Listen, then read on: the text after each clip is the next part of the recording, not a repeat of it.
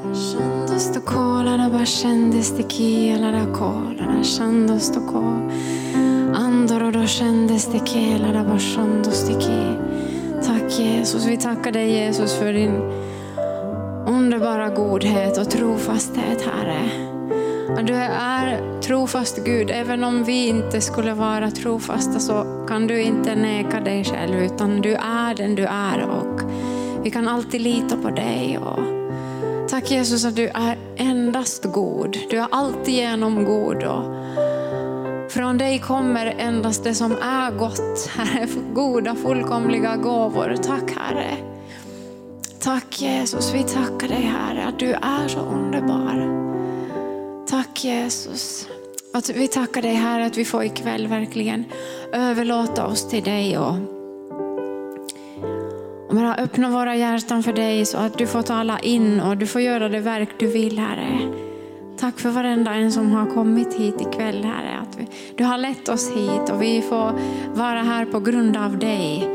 Vi får samlas i ditt namn. Tack Jesus. Tack att du är livet och du har gett oss livet. Herre vi älskar dig och, och vi vill leva det här livet för dig. Och, och uh, verkligen ära dig med det vi är och det vi har Herre. Tack Jesus. Heliga Ande kom och bara tala till varje hjärta. Ge en uppenbarelse. Tack Herre, tack Jesus. Ora la da bashandes te la da ko. Ora la da sando sto ko la da shande la da kia la da ko. Andalo do shendes te ke la da ka. Alana la la la la la do sondo do ko. Andara da sendes te ki la da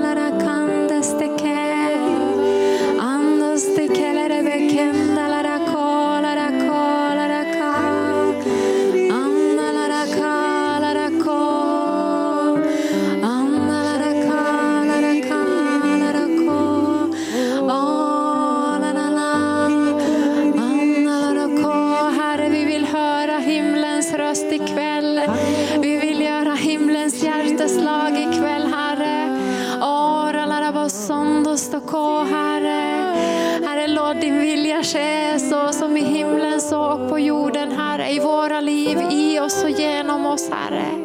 Halleluja Jesus, halleluja Jesus. Gör det som behöver göras Herre. Mjuka upp och röj undan stenar och ogräs och äh, mjuka upp allt som är hårt Herre. Ore le besendo sto ko, le besendo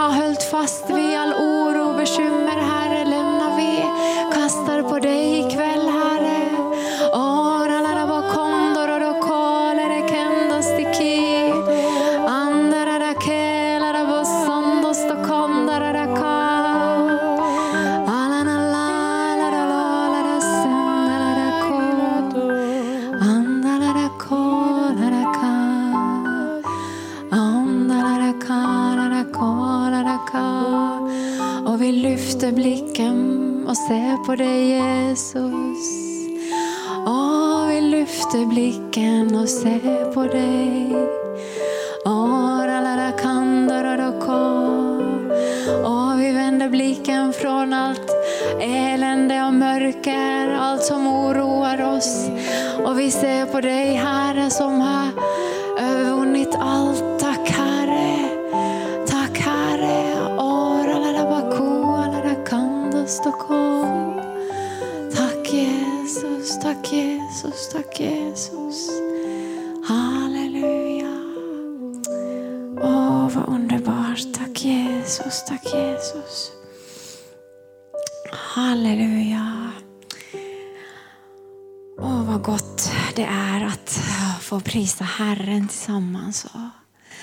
Tack lovsångare. Det, tänk vilket privilegium att här får vi stå och bara helt fritt vara inför Jesus. Det finns ingenting som hindrar oss. Inget som hindrar oss från att komma till nådens tron och kliva in i det allra heligaste, utan vägen är öppen och vi är välkomna och efterlängtade av vår himmelske Fader. Så det är helt underbart. Och, och eh, det är faktiskt någonting som Eh, när jag var, inte var frälst än, jag blev frälst när jag var 18 år gammal, sista året i gymnasiet. Och, och några år innan så mötte jag människor som jag visste att de känner Jesus. Och, och jag liksom började få en längtan att få ja, komma nära Gud på något sätt. Och, och jag hade mycket fruktan och, och oro. Och, och det var jättejobbigt för mig att liksom vara med mig själv.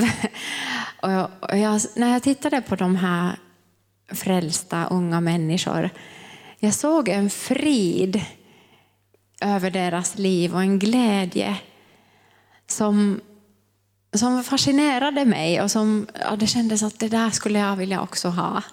Jag kunde inte riktigt peka på vad det var, men jag, jag bara kunde förnimma att de hade någonting över sina liv och i, i sig som jag inte hade.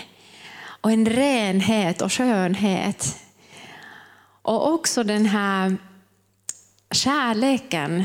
Så att när jag såg dem tillsammans, till exempel på konfirmationsläger där jag var, så såg jag de här som var frälsta. Och, och det kändes att det var en sån kärlek och, och gemenskap och enhet som jag hade aldrig sett någon annanstans.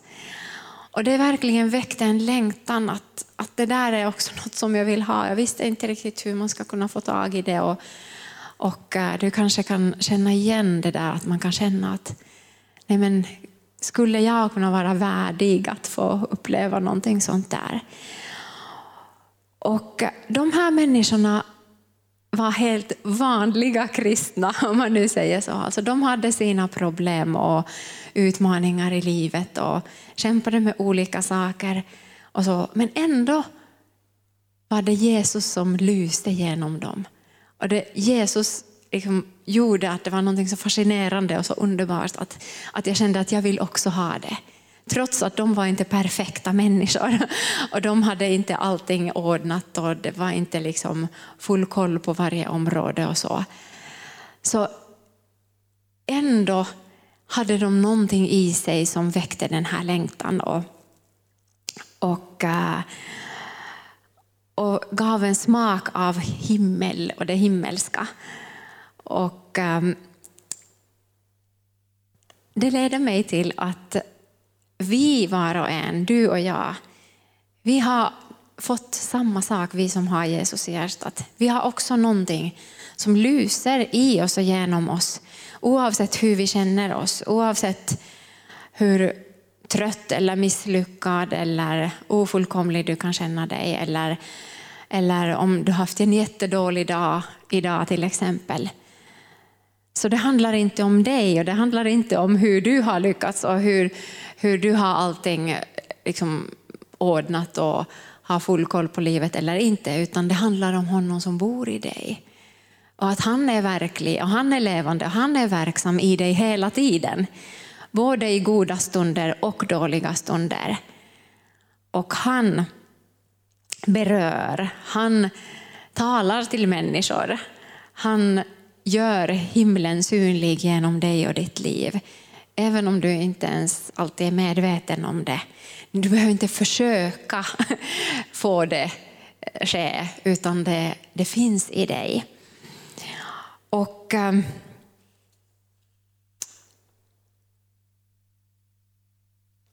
Det står så här i eh, Johannes evangeliet 13 och 35. Jesus talar till sina Ehm, lärjungar och eh, han säger att om ni har kärlek till varandra ska alla förstå att ni är mina lärjungar. Och jag tror att det var just den här kärleken som fascinerade mig och det var den här kärleken som fick mig att längta efter någonting mer. Den här kärleken till varandra som de här frälsta människorna hade. Och eh, när vi har den här kärleken som Gud har skänkt till oss, det är ingenting som vi kan producera, det är ingenting som vi kan prestera eller liksom på något sätt fixa, utan Gud har utgjutit sin egen kärlek. Romarbrevet 5 och 5 säger att, att, eh, att, han har ut, att Guds kärlek är utgjuten i våra hjärtan genom den helige Ande. Att den kärleken får oss att älska varandra. Den kärleken för oss samman. Den kärleken skapa den här gemenskapen och enheten som vi behöver, som är livsviktig för oss. Och, och det är också så speciellt att Alltså vi är verkligen skapade till gemenskap, vi människor. Att, uh, jag såg en intressant dokumentär där man pratade om beröring och vikten av beröring och hur det har blivit utmaningar under den här pandemitiden när man inte har kunnat Eh, mötas och fysiskt vara i kontakt med varandra, kramas och liksom ha närhet och så. Och eh, där berättade de här forskarna att eh, att vi människor att vi har i vår rygg, eller ryggen, är väldigt känslig för beröring och att det är speciellt mycket olika nervgrejer i ryggen som gör att när vi får en sån här kärleksfull, härlig beröring just på ryggen, att det känns speciellt gott för oss och att vi verkligen liksom en massa hormoner löses. Och, ja, hur nu Gud har skapat allt det här. Jag är ingen vetenskapskvinna så jag vet inte exakt allt. Men, eh, men de pratade just om det här att, att där ser vi också hur intressant det är att för vi kan inte riktigt alltså, så här massera vår egen rygg, utan vi behöver varandra för att få den här goda, härliga erfarenhet av att när någon rör vid min rygg eller masserar min rygg. Och eh, man ser att Gud har verkligen skapat oss med syfte att vi Ja, det är bara ett litet exempel, men att vi behöver varandra för att må bra. Och att små barn, nyfödda barn, de dör om de inte får mänsklig kontakt och närhet.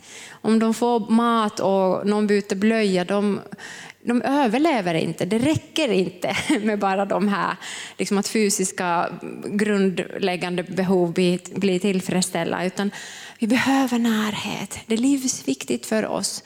Livsviktigt att få känna att vi är sammankopplade med andra människor, att vi hör ihop. Och eh, det är livsviktigt för oss att vara sammankopplade med Herren, alltså vara sammankopplade med Jesus som förenar oss. Det är livsviktigt med tanke på vår evighet och eh, eh, att vi är faktiskt evighetsvarelser.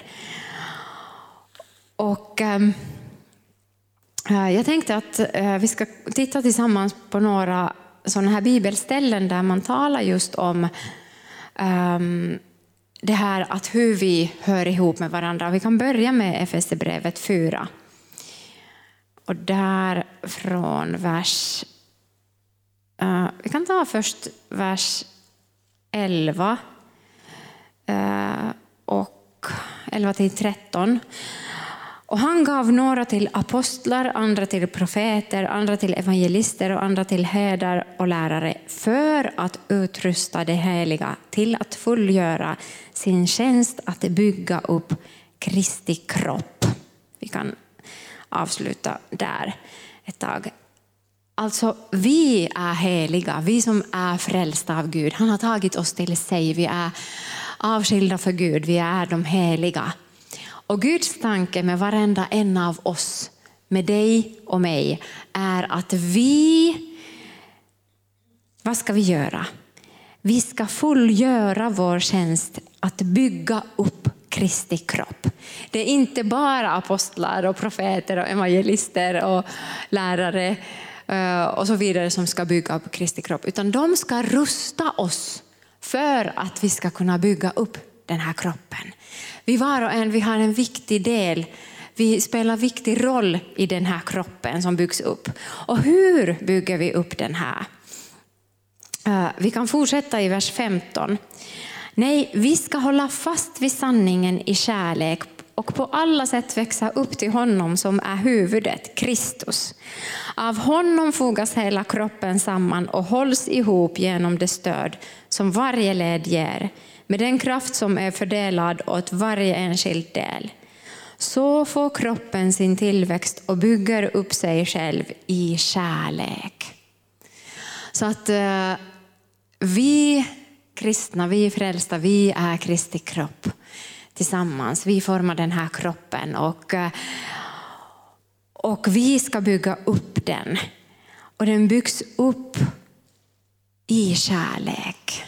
Det är kärleken som är det här byggnads, byggnadsmaterialet eller kraften som gör att kroppen byggs upp. Och att, att det är Jesus som är huvudet och han fogar samman oss. Och Det är så underbart, jag tycker det är härligt att tänka på det här att om vi nu tänker så här att eh, här har vi Jesus vi låtsas att det här är Jesus nu en stund. Och, eh, och om vi är så här en, en bit från Jesus, så då är vi ju också en bit från varandra ofta. Men om vi alla tar några steg närmare Jesus, om ni skulle röra er hitåt, då skulle vi snart vara väldigt nära varandra också. Eller hur? Så att ju närmare Jesus vi kommer, ju mer vi fokuserar på honom, desto mer naturligt sker det att vi är också nära varandra. Vi behöver inte anstränga särskilt för att det ska ske, utan det sker av sig självt. Och, ehm, och det är meningen att vi ska hämta kraft och styrka från huvudet, från Jesus. Att vi, han ska vara li, liksom den här källan för vårt liv. Och att det är han som fogar samman oss. Och sen att um, det stod här att att eh, vi är de här olika lemmar eller leder i den här kroppen och att varje led behövs.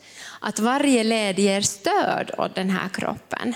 Så oavsett hur liten led man är, oavsett hur, hur osynlig eller synlig eller liten eller stor eller mjuk eller hård, om du är hud eller ben eller inre organ eller vad det än är. Alltså, det här är nu bara bilder, ni förstår. Men det, det liksom, kroppen består av så många olika slags delar och vävnader och äh, saker som fungerar på olika sätt. Vissa ska liksom ge stadga och stöd, benstommen till exempel. Och vissa ska se till att näringen går igenom. Och, och det liksom andra ska re, rensa kroppen och så vidare. Det finns alla möjliga äh, funktioner.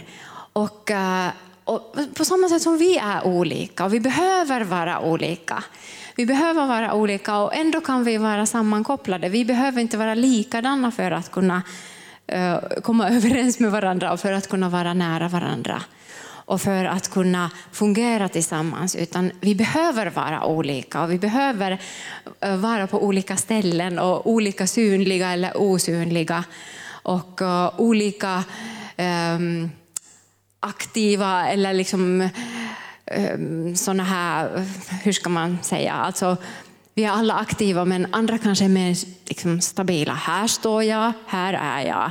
Medan andra kanske är mer rörliga och liksom behöver vara lite överallt. Och det är bra och det är underbart och, och det är viktigt att det är så. Så att du är helt underbar och bra just så som du är.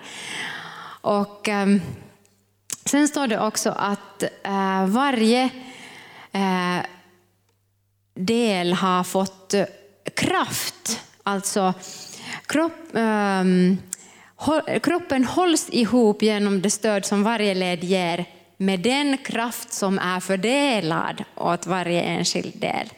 Så att du, Gud har fördelat en kraft till dig. Och det är den kraft som du har fått och, och ju mer du fungerar i den kraften som du har fått av honom, så desto mer naturligt blir det också för dig att fungera i den och den där kraften kan liksom växa och bli starkare och, och uh, det liksom ökar. Men du behöver inte jämföra din kraft med någon annans kraft, utan han har gett just till dig den kraft som du behöver och till Eh, någon annan den kraften som den behöver och kanske olika typer av kraft. Någon har fått kraft att vara en, en person som går före och visar vägen och röjer nu mark och någon annan har fått kraft att, att hålla upp det som har byggts och se till att det fungerar. Någon annan har fått kraft att visa omsorg och kärlek och se till att alla mår bra och så vidare. Vi har liksom olika styrkor och olika, liksom den här kraften den är inte bara på ett sätt. Utan Gud har gett till dig just den kraft som passar perfekt för dig. Och um, den är jätteviktig för att uh, den här kroppen ska hållas ihop och att den ska få stöd. Och så får kroppen sin tillväxt och bygger upp sig själv i kärlek. Då växer det, då blir det synligt. Då blir Kristi kropp synlig här på jorden och liksom, att alla människorna kan se att Jesus är på riktigt. När vi byggs upp i kärlek, när vi är förenade med varandra i kärlek. Och sen talar Bibeln också att vi är ett tempel det är också en annan bild. Alltså, vi, vi tillsammans är ett tempel och mitt ibland oss kan Guds härlighet bo och uppenbara sig. Han bor också i våra hjärtan och han uppenbarar till oss individuellt men, men det finns något väldigt särskilt, speciellt i det här att han uppenbarar sig mitt ibland oss. Och det är annorlunda än det eh, vad vi kan uppleva i vår individuell relation med Gud och i vår ensamhet med honom. Det finns någonting särskilt i att vi kommer samman och att vi hör ihop och att vi verkligen vill att han ska uppenbara sig i oss och genom oss tillsammans. Och vi kan läsa i första Petrus brev. Och det är eh, kapitel 2 och sen är det vers 4 och 5. Kom till honom, den levande stenen, förkastad av människor men utvald och dyrbar inför Gud. Och låt er själva som levande stenar byggas upp till ett andligt hus, ett heligt prästerskap som ska bära fram andliga offer, som Gud tar emot med glädje genom Jesus Kristus. Och eh, det talas alltså om ett andligt hus och heligt prästerskap. Jag tycker det är härligt att, att eh, det står inte liksom heliga präster, utan heligt prästerskap som syftar till att vi behöver vara många, vi behöver vara tillsammans. Det är liksom inte så att vi är ensamma präster lite här och där, utan att vi tillsammans är det här prästerskapet. Där, alltså att vi tillsammans um, få komma inför Guds tron och, eh, och, att han talar till oss. Och, och visst, han gör det oss in, med oss individuellt också. Men, att, eh, men han kallar oss ett heligt prästerskap. Och det här andliga huset som byggs av levande stenar. Och det tycker jag också är lite kul att sten för mig, det är ju någonting starkt och stabilt och någonting som inte bara liksom kastas hit och dit. Det är jättesvårt att blåsa en sten omkull till exempel. Utan en sten den står där den är och eh, den kan bära eh, liksom mycket vikt utan att bli krossad. Och, och det, det är liksom en sten den kan äh, samla i sig till exempel värme och liksom hålla den här värmen och sen sprida det. Och liksom fantastiska egenskaper. Men sen när vi är äh, levande stenar så är vi samtidigt alltså fogliga och, och formbara. Och alltså att det finns det här livet som är inte så att vi är bara att Nej, men så här är jag och punkt och slut. Och det går inte att forma mig och jag kan inte passa ihop med de andra utan att vi är levande och mjuka och Gud kan forma oss och sätta ihop oss så som han vill. Och det är inte alltid så kul, det är inte alltid så lätt. Eh, men, eh, men han vet vad som är bäst. Och, eh, och i slutändan blir det ju bra resultat av det som han gör. Och om vi tänker på de här bilderna, alltså kroppen och huset eller templet, så vi vet inte alltid vems liv vi kommer att påverka. Eh, alltså, om du tänker att i en kropp, en liten cell i hjärnan eller en liten nerv i hjärnan kan liksom avgöra om du kan röra dina ben eller inte, om du kan andas eller inte. Eh, eh, om, om ett tempel saknar ett tak så kommer golvet att bli förstörd när det regnar och kommer in fåglarna, bajsar och så vidare. Alltså, det finns inget skydd. Men golvet och taket har ingen direkt kontakt med varandra. Men ändå är det väldigt stor påverkan om någonting saknas där. Och uh, samma med kroppen, att en, en del i min hjärna till exempel som har ingen kontakt direkt med min, min, mina ben, om, om man tittar så här, ändå kan påverka så mycket genom hela nervsystemet. Alltså, på samma sätt i Kristi kropp, du vet aldrig hur din attityd, din inställning till livet, dina val, dina gärningar eller det du inte gör, ditt vittnesbörd, dina förböner, ditt givande, din överlåtelse, det du är som person, hur det kommer att påverka någon annan. Alltså när vi kommer hem till Jesus så då får vi säkert veta det.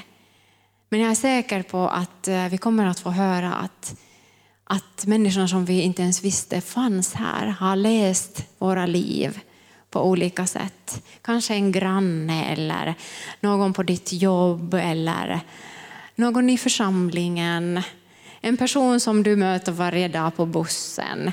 Alltså vem som helst, någon släkting, har läst ditt liv och blivit påverkad av det som du är och hur du lever ditt liv.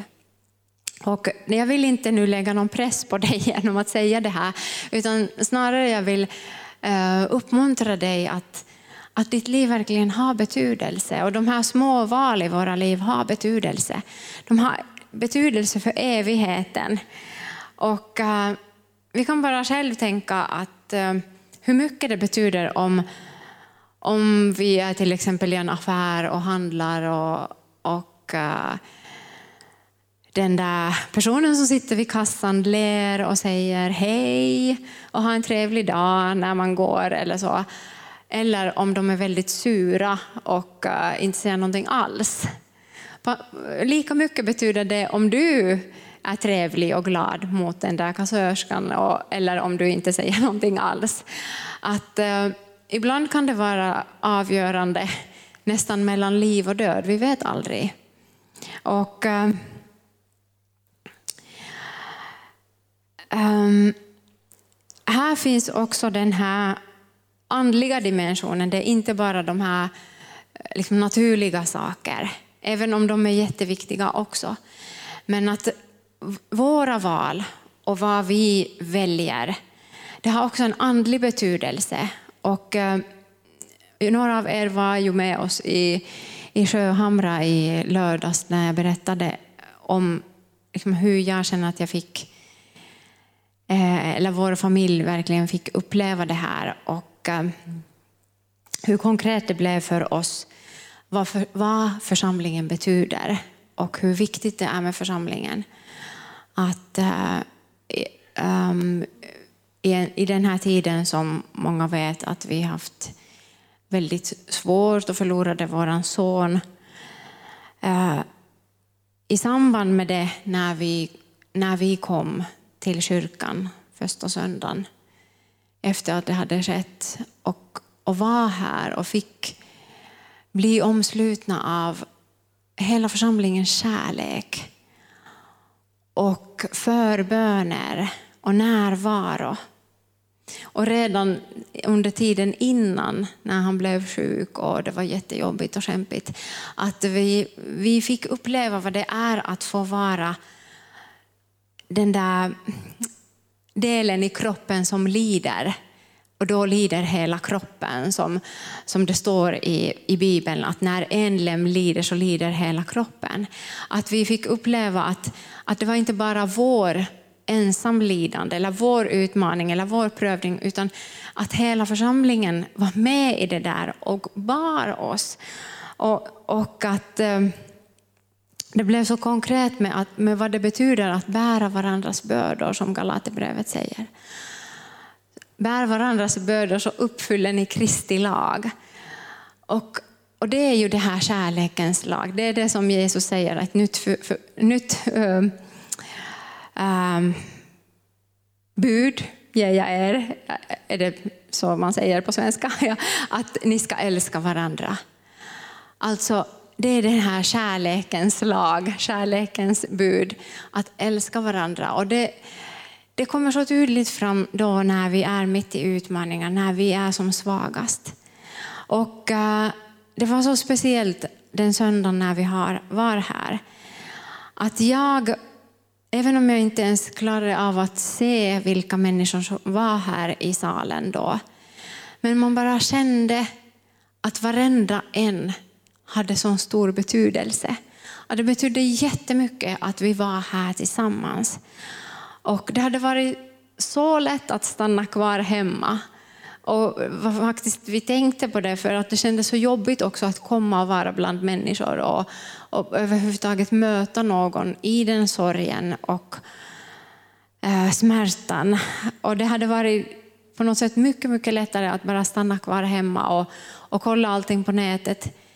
Men då hade vi aldrig fått uppleva den välsignelsen vad det innebär att få vara här tillsammans med andra bli omsluten av kärlek. Och eh, alltså det, är, det är någonting i det osynliga som jag vet inte vad det är, men det är någonting. Så att när du är här, det är så underbart att du är här.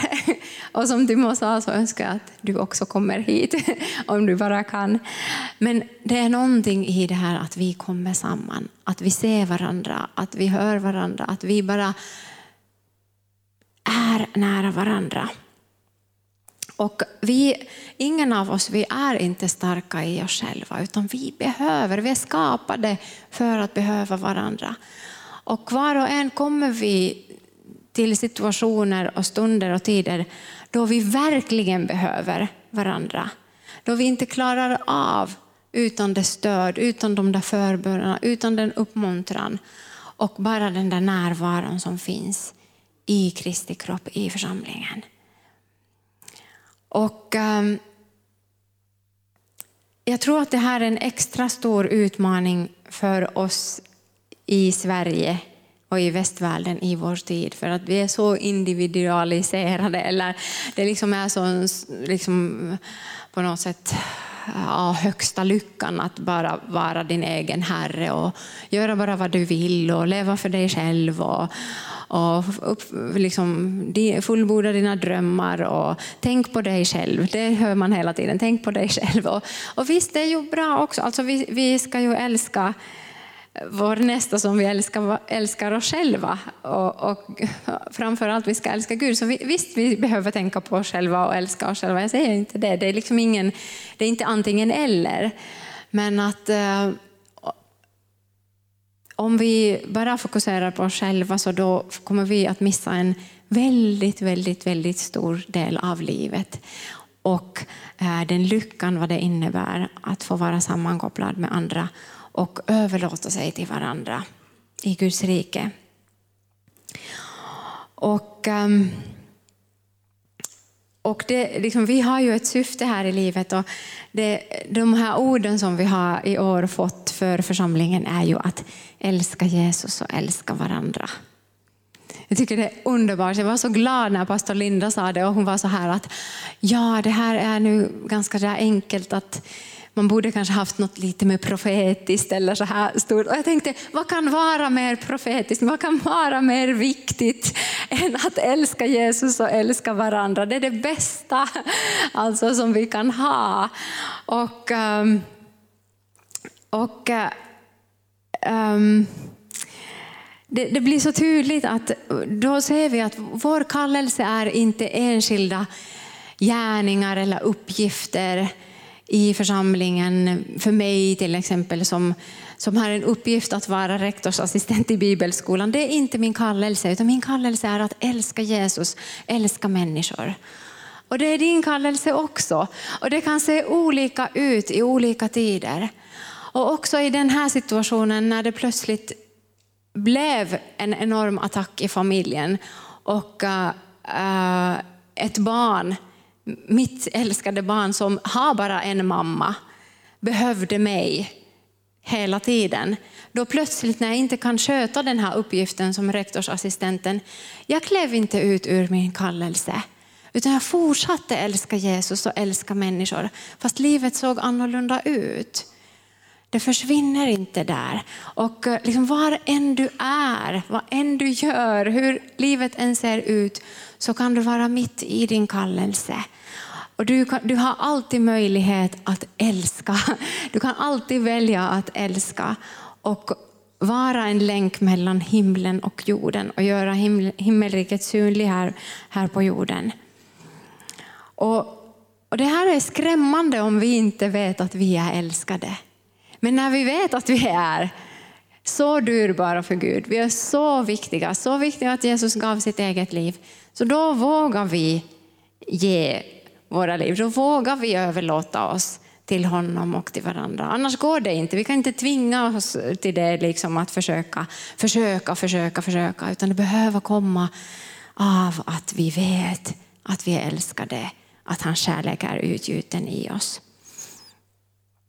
Och um, jag har också tänkt på det här, vi har tänkt mycket att um, i familjen just det här att att vi finns här på jorden så länge som vi behöver finnas här. Och sen går vi hem. När det är fullbordat så då går vi hem. Och uh, jag skulle vilja påstå att det här faktumet att du är här idag, ikväll, att du lever just nu, det är ett tecken på att du behövs här. Att du har någonting väldigt viktigt och speciellt att ge till den här världen som bara du kan ge. Och uh, att du har en förmåga att, att um, visa Jesus på ett sätt som ingen annan har, som behövs här och nu och just i den här tiden. Att nå just de människor som du kan nå och vara en representant för himlen, en ambassadör. Eh, men det, det är ju också så att livet och, och den här um, kallelsen och, och kanske en speciell sak som Gud har talat till oss. Det, det, ser inte alltid ut som vi tror att det ska göra. Utan det kan ju många gånger bli på ett... Vi kanske får en viss bild att ja, men det innebär det här och det här. Om du tänker bara på Abraham. Han som var kallad att vara far för många folk. Det var ju liksom hans namn betydde ju det och liksom det, var, det var hans livs stora uppdrag och, och, och, en del av den här kallelsen att älska Herren i hans liv. Och, eh, om jag tänker mig att om det nu skulle vara motsvarande liksom kallelse för mig så jag skulle se framför mig så massor av barn och eh, liksom huset fullt och jättelivligt och, och det liksom händer en massa hela tiden. Man får undervisa, liksom ge all sin kunskap till alla sina barn och sen kommer det en massa barnbarn och barnbarnsbarn och, och liksom stor familj och stor släkt och, och en stark släkt och så här liksom att här kommer Abraham och alla hans barn och, och, och liksom man kan se framför sig den här bilden. Att det måste ju vara så om man är far för många folk. Men sen fick han bli jätte, jättegammal. Eller i alla fall jag tycker att det var väldigt gammalt. Och inga barn alls.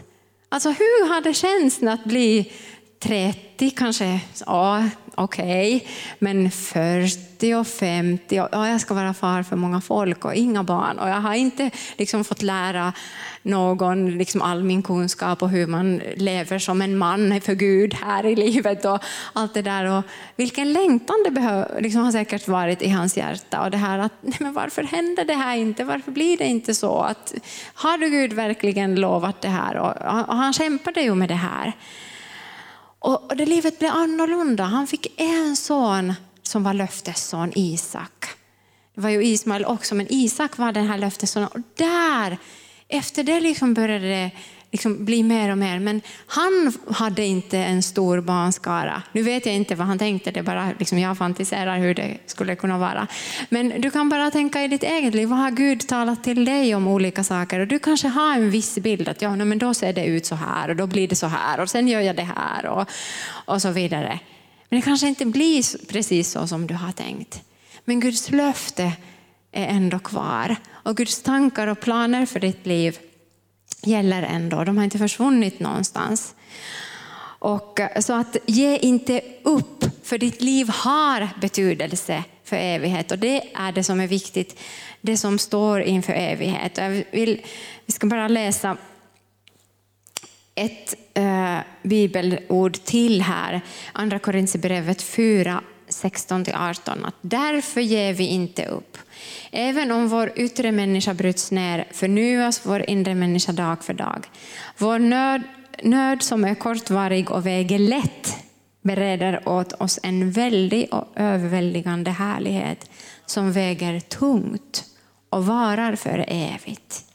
Vi riktar inte blicken mot det synliga utan mot det osynliga. Det synliga är förgängligt, men det osynliga är evigt. Alltså en överväldigande härlighet som väger tungt och som är evig. Jämfört med den nöd som vi kan uppleva nu som ändå väger lätt och är bara i den här tiden.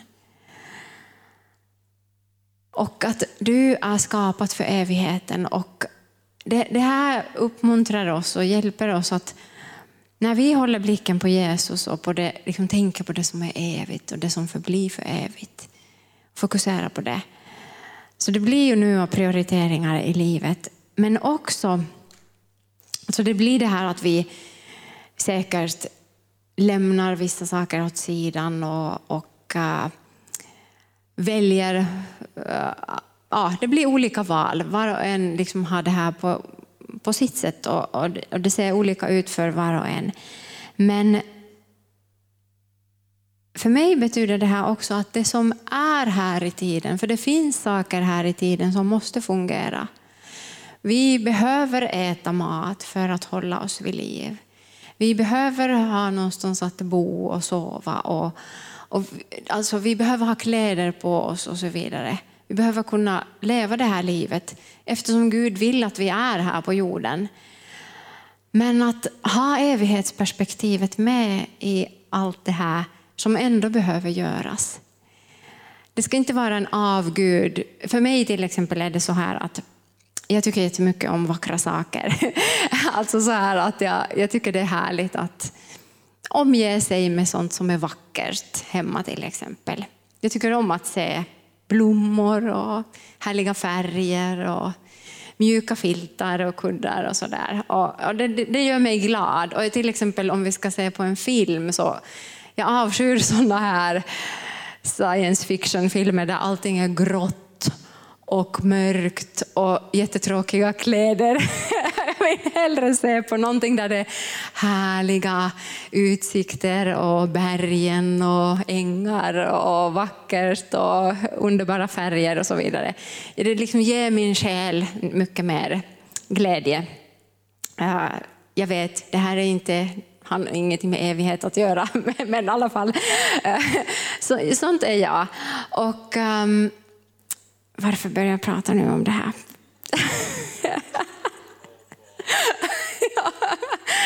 Men i alla fall, min, min poäng är att um, om du nu tänker på det här att varför du till exempel när du, eller jag vet inte hur, hur du gör, men i alla fall om jag ger någon en present jag har inte gjort det här alltid, förlåt Jennifer, det blev inte bra den gången. Men, men vanligtvis är det så att jag tycker jättemycket om att verkligen göra ett fint paket och med vackert omslagspapper och, och, och så här. Och, och, jag älskar att få sådana presenter. Jag tycker det är väldigt härligt. Att, så, och då kan jag bara så här titta på paketen och njuta av och tänka på att tänk att någon bryr sig så mycket om mig och liksom gjorde hela det här för min skull. Och sen vad, vad gör man sen? Man tar av allt det där och oftast slängs det i soporna. Det varar bara en liten stund. Alltså inte gåvan utan omslaget, pappret och snöret och så vidare. Och, eh, eller varför ger man blommor för någon även om de vissnar om några dagar? Varför är det, någon, är det någon idé att vi dukar middagsbordet fint och har vackert porslin och så, när det ändå blir smutsigt om en stund och ska dukas av igen? Alltså, eh, skulle vi inte kunna liksom bara äta direkt från kastrullen som jag vet att några människor någon gång har gjort? och, eh, och ge presenten i en plastpåse. Eller, alltså, eller varför kammar vi håret och tar på oss någonting vackert? Jag skulle kunna komma hit och stå här i en säck och, och rufsigt hår och så här. För att vi bryr oss om varandra. Vi vill visa varandra att vi uppskattar dem, att vi älskar varandra, att vi vill att den där personen som får presenten, den som blir bjuden på middag eller som nu ser på en talare här känner att du är så värdefull att det är värt det att göra allt det här, även om den varar, varar bara en liten stund. Även om blommorna vissnar, även om paketet slits, pappret slits av och slängs i soporna. Du är värd det. Precis som Gud han strör blommor och allt vackert. Alltså det byts ut hela tiden. Som Timon nämnde här, att först blommar det ena och sen det andra och sen det tredje. Alltså, och de vissnar och försvinner och sen kommer det nytt. Han gör allt det här varför? För att glädja oss. För att han älskar oss. Han vet att det gör gott för vår själ. Han vill visa hur värdefulla vi är. Han har skapat hela den här jorden för oss att leva och bo i och, och råda över och ta hand om. Och, och han hade ju kunnat göra bara liksom allt superpragmatiskt så att det är bara praktiska, viktiga saker. Någonting som du kan äta. Äpplena skulle kunna bara dyka upp direkt i träden utan att det blommar först. Men, men det är mycket vackrare när det får blomma först, eller hur? Och um, Gud gör inte det här för att imponera på oss och liksom för att prestera och visa att han är jätteduktig och han har visst allt på plats och, och han är en ordentlig Gud. Precis som vi inte behöver liksom, ta hand om vårt hem eller eh, liksom, göra saker vackert och behagligt för att visa att minsann jag är en jättebra person och jag har allting på plats och jag liksom presterar jättebra. Det är inte vår motivation. Alltså, visst, det kan vara. Och, och, och det kan ju vara, jag liksom levde under jätte sån här prestation förut. Och sen när jag mötte Guds nåd så blev det nästan så här att oh, jag bryr mig inte om någonting. Liksom att jag behöver inte bry mig. Jag går runt i mjukisbyxor och, och så här. Och jag behöver inte tänka på hur, hur allting ser ut och så. Men när det får bli den här kärlekens drivkraft och motivation, då är det underbart att få göra det vackert. Och jag eh, kommer ihåg just den här tiden när vår Jonathan hamnade i sjukhuset och det rummet var så tråkigt. Alltså det var ju bara de här vita sjukhusväggar och inga gardiner för det var farligt att ha gardiner, inga tavlor, en metallsäng. Alltså det var så avskalat och, och så kalt i det där rummet.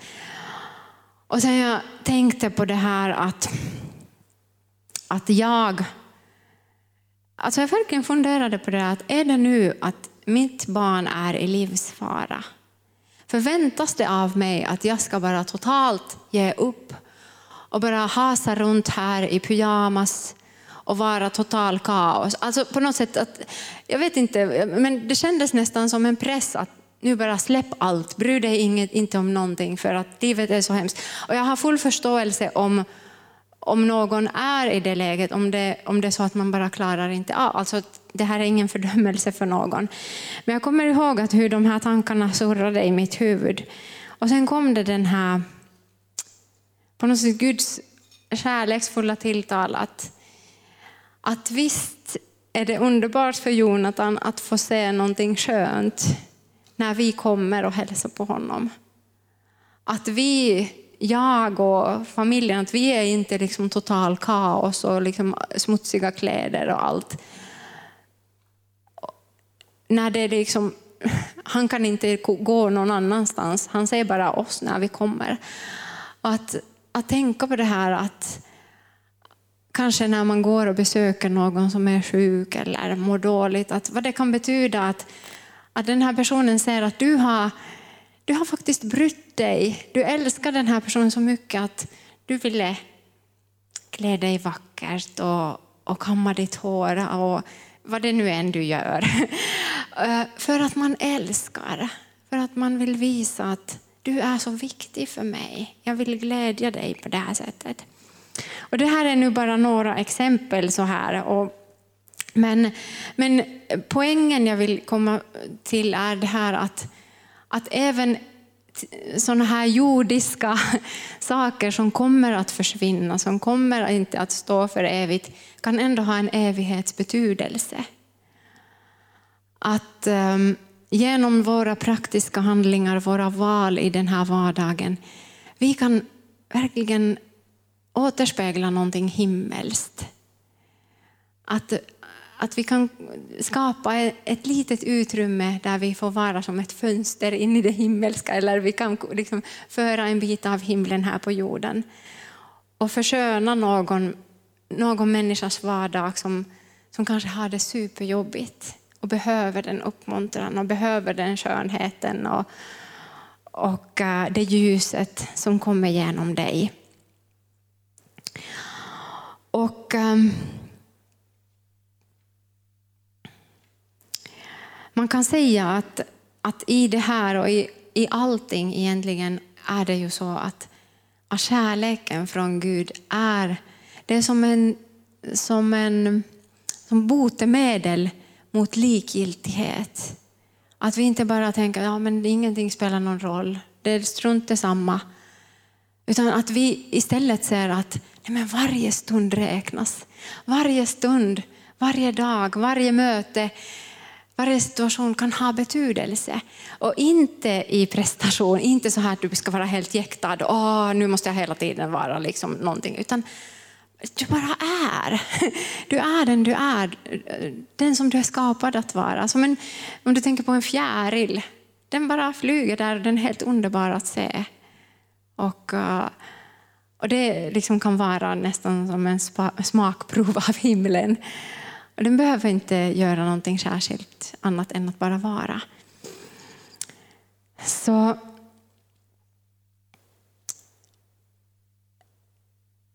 om vi går tillbaka till det här med enhet och att Jesus säger att, att eh, alla vet att vi är hans lärjungar när de säger att vi har kärleken till varandra. Så i himlen är det ju total enhet och gemenskap. Det finns inga konflikter där. Halleluja! och eh, det är sån eh, liksom, kärlek och, och harmoni och avslappnad stämning och frihet. Och det är det som vi är skapade för. Och, och eh, Jesus vill att vi ska få uppleva det här himmelriket redan här på jorden. Han säger ju att himmelriket är nära. Så att vi får leva i den här enheten och kärleken redan här. Och ja, jag vet, alltså, det är inte alltid lätt, det kan vara kämpigt. Men det är ändå hans plan och han har gett oss all sin hjälp för att det ska vara möjligt för oss. Så jag vill avsluta med att läsa från Johannes evangeliet 17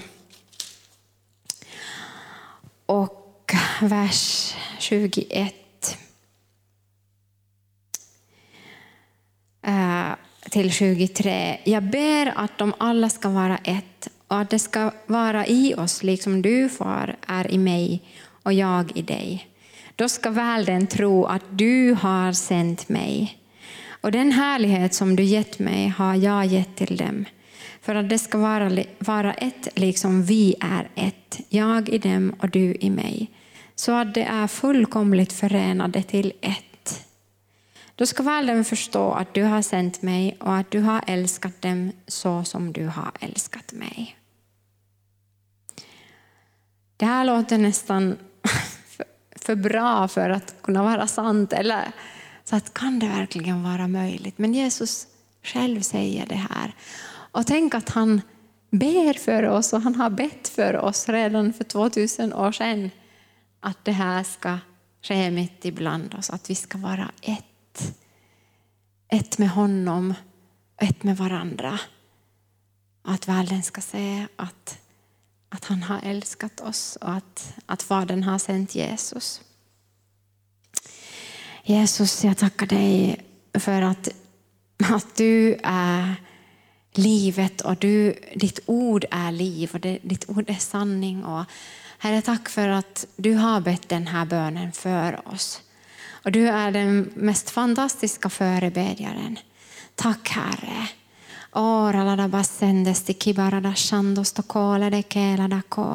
Jesus, jag ber att, att din kärlek får verka i oss var och en så att vi vågar ge oss till enhet, att vi vågar överlåta oss till enhet, att vi vågar överlåta oss till varandra och, och uh, våga ta risken att släppa varandra nära.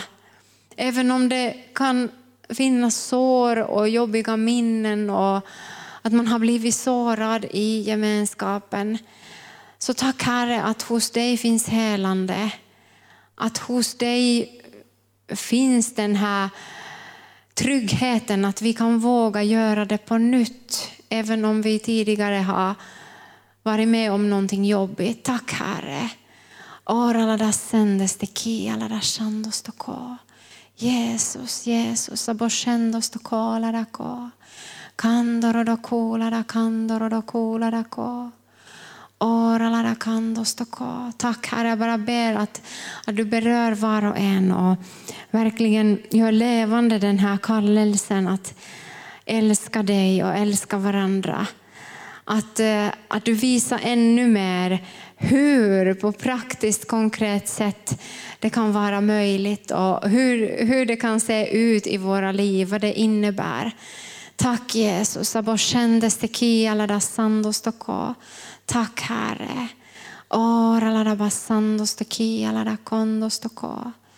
Tack Jesus, tack Herre. Tack att du har älskat oss först och vi får älska dig och vi får älska varandra med den kärlek som du har gett till oss. Tack Herre. Om ni lovsångare kan eh, börja spela, sjunga någonting skönt så får vi se hur det här fortsätter.